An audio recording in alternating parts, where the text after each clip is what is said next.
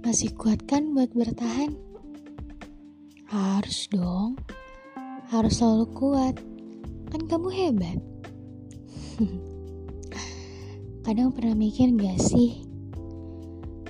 Kapan ya kita tuh nemu yang bener-bener rumah terakhir gitu?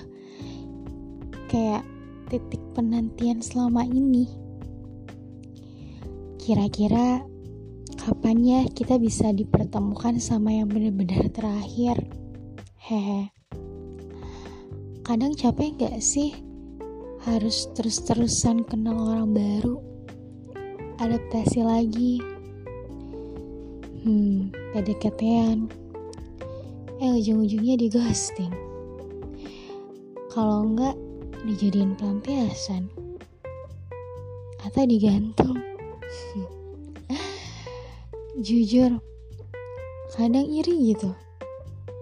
Lihat temen-temen yang udah taken or couple. Uwan gemes banget. Tapi kadang mikir kayak sopan gak sih mereka di depan aku yang jomblo? Ya iri banget sama pasangan yang udah bertahun-tahun melewati hubungan yang diterpa badai dan segala macam. Hmm, semoga secepatnya ya. Secepatnya dipertemukan sama orang versi terbaik dari sebelum-sebelumnya.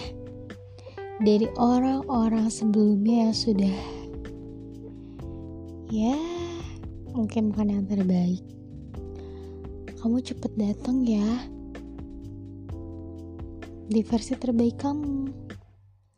Entah siapa pun kamu. Aku rindu. Semoga kamu cepet-cepet datang ya di kehidupan aku. Biar bisa mewarnai hidup aku.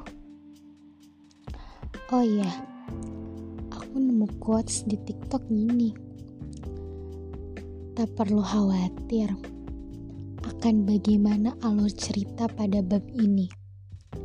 Jalani saja, perankan saja. Tuhan ialah sebaik-baiknya sutradara. Speechless gitu ya. Bacanya kayak ketampar banget gitu sama kata-katanya pesan dari aku buat pendengar podcast aku yang setia bahwa yang terbaik itu gak akan datang dengan buru-buru.